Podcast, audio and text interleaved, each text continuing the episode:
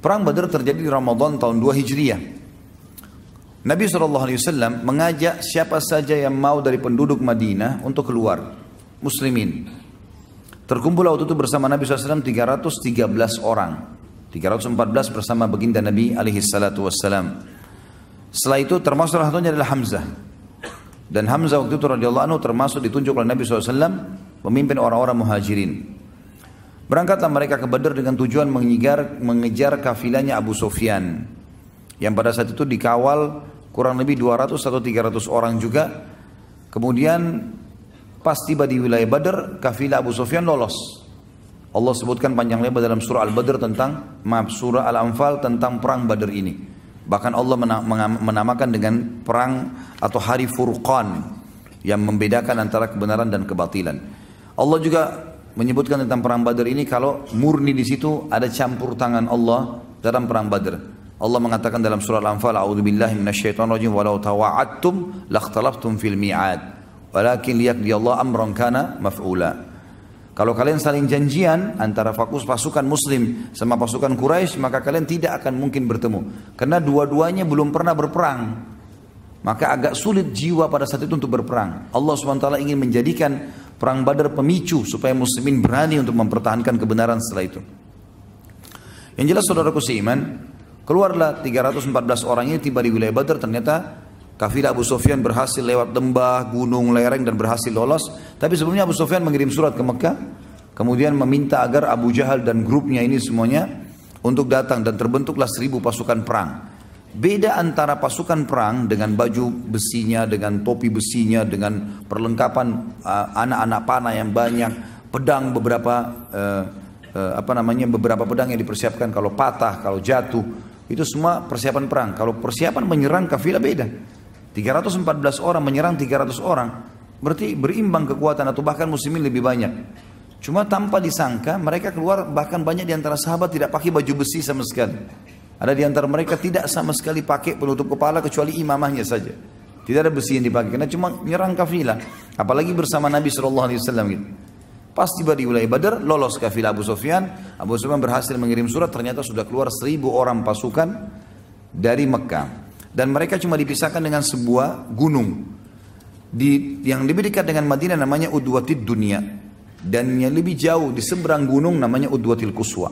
Seperti itulah kurang lebih. Yang terjadi teman-teman sekalian, muslimin tiba di udwati dunia dan muslimin musyrikin tiba di udwatil kuswa. Kafilah sudah lewat. Ya. Kata Allah dalam surah Al-Anfal, "A'udzu billahi minasyaitonir rajim. Antum bil udwati dunya wa hum bil udwatil quswa war rakbu asfala minkum." Ingatlah ketika kalian muslimin tiba di wilayah dunia, uh, sisi gunung yang dekat dengan Madinah dan orang-orang musyrik Mekah yang seribu pasukan di Kuswa, di sebelahnya gunung. Dan rakbu kafilah asfala minkum. Lebih rendah dari kalian. Maksudnya sudah berhasil lolos. Ya. kalau kalian selain janjian maka tidak akan terjadi. Maka ringkas cerita teman-teman sekalian Allah subhanahu wa ta'ala menyampaikan kepada Nabi Muhammad SAW kalau ada pasukan sudah tiba gitu kan? Lalu Nabi SAW bermusyawarah dengan para sahabat. Bagaimana saran kalian? Sekarang kafilah sudah lolos. Yang ada di depan kita pasukan perang seribu orang. Kafilah 300 orang sudah lolos nggak ada harta, nggak ada apa-apa. Ini pasukan yang kita hadapi. Bagaimana pendapat kalian? Abu Bakar berdiri mengatakan, Ya Rasulullah, pergi ke mana saja yang anda mau. Umar juga mengatakan, Ya Rasulullah. Migdad mengatakan, Ya Rasulullah. Hamzah pun mengatakan, Ya Rasulullah, jalan. Kami setuju semua. Sampai Nabi SAW mengatakan, berikan pendapat. Lalu orang-orang Ansar mengatakan, Ya Rasulullah, karena ini baru pertama kali orang-orang Ansar ikut bersama Nabi SAW. Biasanya kalau menyerang kafilah selalu orang-orang Quraisy, orang muhajirin saja. Tapi kali itu orang Ansar diberikan kesempatan. Maka berdirilah saat radhiyallahu mengatakan ya Rasulullah, seakan-akan anda menginginkan kami orang Ansar. Kata Nabi SAW, iya, tentu saja. Lalu kata saat ya Rasulullah, perintahkan apa saja. Anda mau ke mana saja perintahkan, kami akan ikut. Kami bukan berarti mau membela anda di Madinah saja. Di mana saja kami akan bela anda. Kalau seandainya anda pun turun ke lautan, kami anda perintahkan kami, kami akan ikut. Maka Nabi SAW pun senang pada saat itu, persiapan perang sudah akan terjadi. Ringkas cerita pernah saya ceritakan tentu ini peperangan mulailah mau berkecamuk tapi malam harinya Allah turunkan hujan yang lebat di tempatnya orang-orang musyrik Sampai membuat baju mereka basah semua, kuda mereka basah, jalanannya jadi becek, semuanya jadi sulit untuk berperang. Dan mereka malam itu tidak bisa tidur sehingga mereka letih. Di tempat muslimin turun hujan gerimis. Dan hujan gerimis ini menyebabkan para sahabat ngantuk. Sampai ada di antara mereka dalam riwayat Bukhari mengatakan di perang Badar, setiap kali dia berjaga dia bilang, satu malam itu bisa 10 kali pedang saya jatuh. Kena ngantuknya. Dan ternyata ngantuk ini menghilangkan rasa takut. Ya. Menghilangkan rasa takut. Orang kalau sudah ngantuk sekali, dia akan tidur di pinggir jalan, dia akan tidur di hutan. Pokoknya ngantuk sudah nggak mau tahu. Gitu kan. Ya. Tapi kalau orang nggak ngantuk ini susah. Gitu. Maka ngantuk ini Allah SWT sebutkan dalam surah Al-Anfal juga amanatan nu'asan. Itu ngantuk yang membuat kalian bisa tenang. Maka tanah di tempat muslimin menjadi basah biasa saja dan padang pasir kalau kering sekali berat untuk dilewatin, kalau basah sekali juga berat, becek melengket semua di sendal dan seterusnya. Maka tempat muslimin jadi basah sedikit sehingga mudah untuk dilangkahi. Juga mereka bisa istirahat malam itu orang musyrik tidak. Bertemulah pasukan keesokan harinya, seribu melawan tiga ratus. Nabi SAW sempat berdoa di kemah beliau. Berdoa, tentu ini kisahnya panjang. Perang Badar sudah saya pernah ceritakan dan ada juga di Sirah Nabawiyah yang sudah kita paparkan panjang lebar insya Allah di Youtube. Yang jelas Nabi SAW berdoa mengatakan, Ya Allah kalau seandainya engkau membinasakan mereka ini ya Allah, maka tidak ada lagi yang bisa menyembahmu di muka bumi. Maka selamatkanlah, menangkanlah Abu Bakar sempat mengatakan, Ya Rasulullah, tenangkan diri anda. Allah sudah menjanjikan kok. Ringkas cerita, Nabi SAW ketidur, tertidur sejenak, lalu bangun, lalu tersenyum. Kata Abu Bakar, kenapa ya Rasulullah? Kata Nabi SAW, berita gembira, Allah sudah menjanjikan. Kalau kita berhadapan sama musuh ini, kita pasti menang. Kalau kita pun mengejar kafilah, kita pasti dapat. Salah satunya. Berarti pasti nggak mungkin tidak lolos gitu. Berkecamuklah pada saat itu Nabi SAW bertakbir mengatur strategi perangnya adalah Nabi SAW, orang Arab biasa tradisi begini dulu kalau perang. Pasukan menyerang nih. Kalau ada yang menyerang dari depan, maka mereka tunggu, bertahan. Menahan dengan tangkisan, dengan perisai mereka. Setelah itu musuh mundur, mereka kasih kesempatan, baru dia mereka menyerang lagi. Datang lagi nebas, nyerang, kemudian kembali lagi. Begitu terus. Nanti dari situ dilihat kalah atau menangnya. Tentu di peperangan anu, sederhana sekali ya. Tapi Nabi SAW mengatur strategi yang berbeda. Kata Nabi SAW, jangan mulai penyerangan. Semuanya duduk di bawah. Duduk di bawah, mereka sampai pegang perisai. Di bagian depan orang-orang yang pegang tombak dan pedang. Di bagian belakang para pemanah. Dibagilah oleh Nabi SAW. Orang-orang Quraisy bingung, belum pernah berperang dengan orang di medan perang duduk. Hah? Biasanya orang berhadapan. Dihantam, pukul, kemudian mereka mundur. Seperti itulah. Tapi akhirnya mereka mau-mau berperang gitu kan. Sebelum berperang, ternyata ada tiga orang, ada satu orang dulu dari Quraisy. Orang ini teman-teman sekalian, orang yang pertama mati dan pertama dinilai sebagai penghuni neraka. Ya. Jadi jangan contoh ya orang itu. Ya. Namanya Al-Aswad bin Abdul Asad Al-Makhzumi. Al-Aswad bin Abdul Asad Al-Makhzumi. Waktu pasukan sudah mau bergerak, tiba-tiba dia maju ke depan. Dia henuskan pedangnya sambil menantang muslimin. Dan dia bersumpah atas nama Lat dan Uzza atas patung-patungnya, saya akan minum dari sumur orang-orang itu, maksudnya kaum muslimin. Karena di belakang pasukan muslim ada sumur, mereka nggak ada sumur gitu. Dengan sombongnya gitu kan. Siapa yang akan menantang saya? Tanpa banyak bicara. Hamzah keluar, anhu. Hamzah tahu siapa orang ini di Mekah walaupun dia ini Al-Aswad terkenal orang yang mahir menggunakan pedang, gitu kan. Hamzah terkenal menggunakan panah. Gitu. Hamzah tidak terlalu mahir dalam masalah pedang, tapi panah iya, gitu. umumnya gitu. Tapi dia bisa. Maka Hamzah pada saat itu menunjukkan kemahirannya dalam pedang. Biasanya dengan panah gitu. Maka Hamzah pun maju dan dalam hitungan beberapa waktu saja sudah dikalahkan al Aswad ini. Orang-orang Quraisy kaget, mereka tahunya Hamzah ini biasanya tahu mana. Kok sekarang kemahiran pedangnya luar biasa. Al Aswad terkenal dengan pedang, kalah. Dan akhirnya Hamzah menebas kedua betisnya. Terputus betisnya dan Hamzah biarin. Ini orang ngucur darah, bunuhlah saya. Kata Hamzah tidak. Biarin. Rupanya dia untuk memenuhi sumpahnya, dia terus merangkak ke depan pasukan muslimin. Maksudnya dia mau buktikan kalau dia mau bisa minum gitu kan. Kan tadi dia sumpah, dia harus minum air di tengah-tengah muslimin. Begitu dekat sumur Hamzah bunuh. Gitu.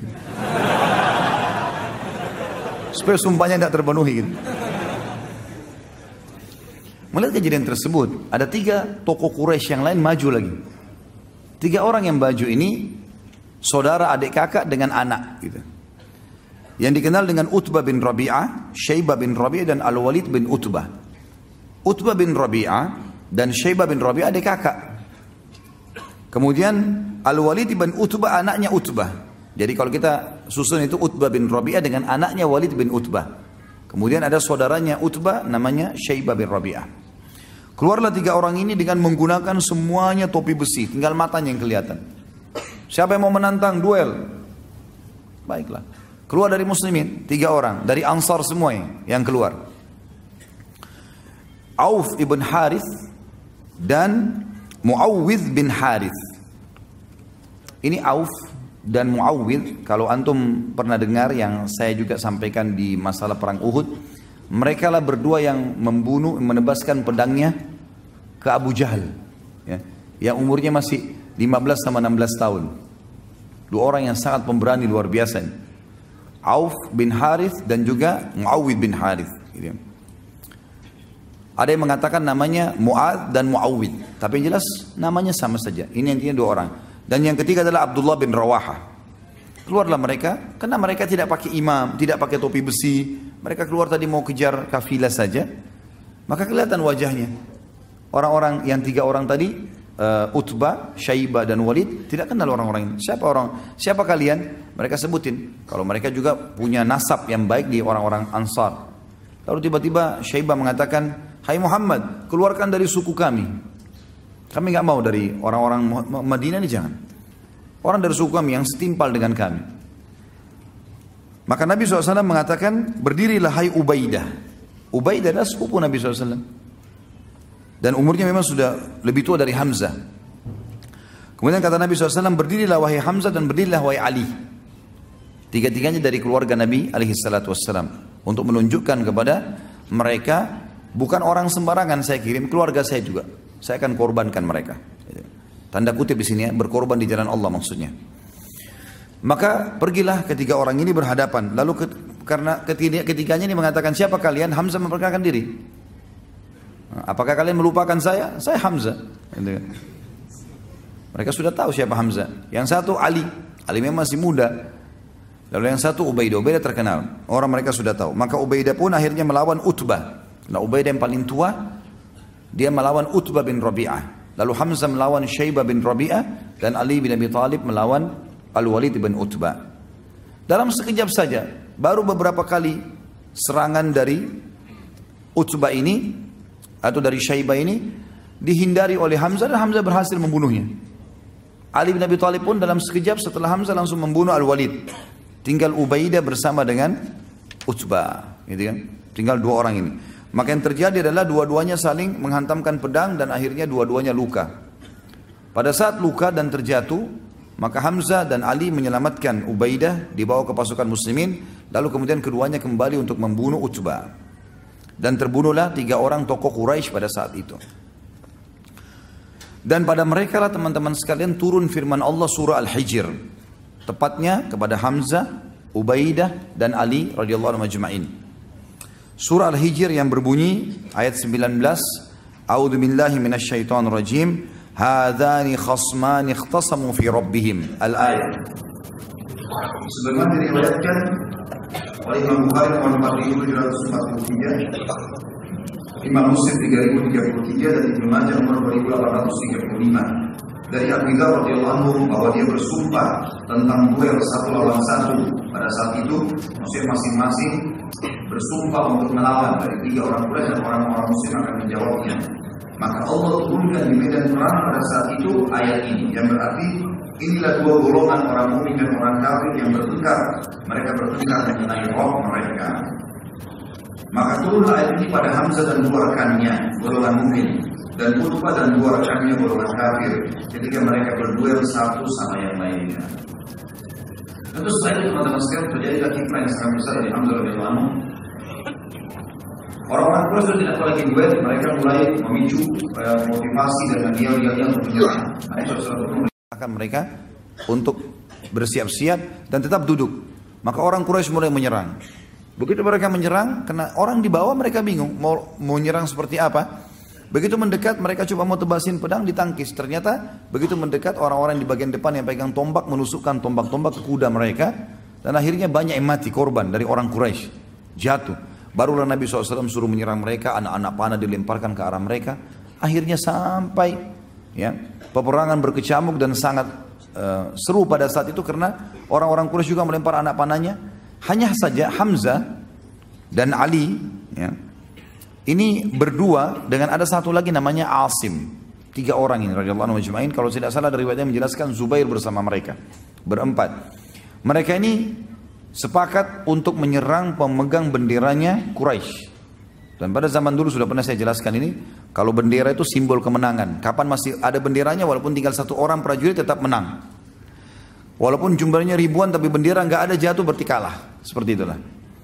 Maka empat orang ini sepakat, kita nggak usah ya melawan umumnya orang-orang. Cari mana pemegang bendera dari jauh kelihatan, serang ke sana. Maka sepakatlah empat orang ini untuk masuk. Dan berhasil.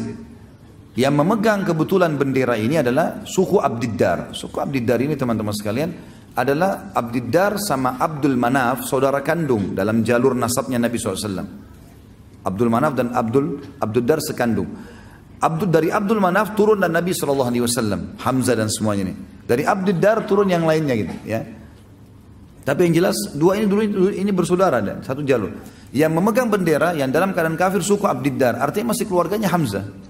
Keluarganya Ali radhiyallahu anhu Tapi Hamzah di sini luar biasa tidak mempedulikan lagi di kancah peperangan masalah kebenaran-kebenaran walaupun keluarga sudah beda di sini. Beda kalau di di eh, di apa namanya di ajang dakwah itu lain.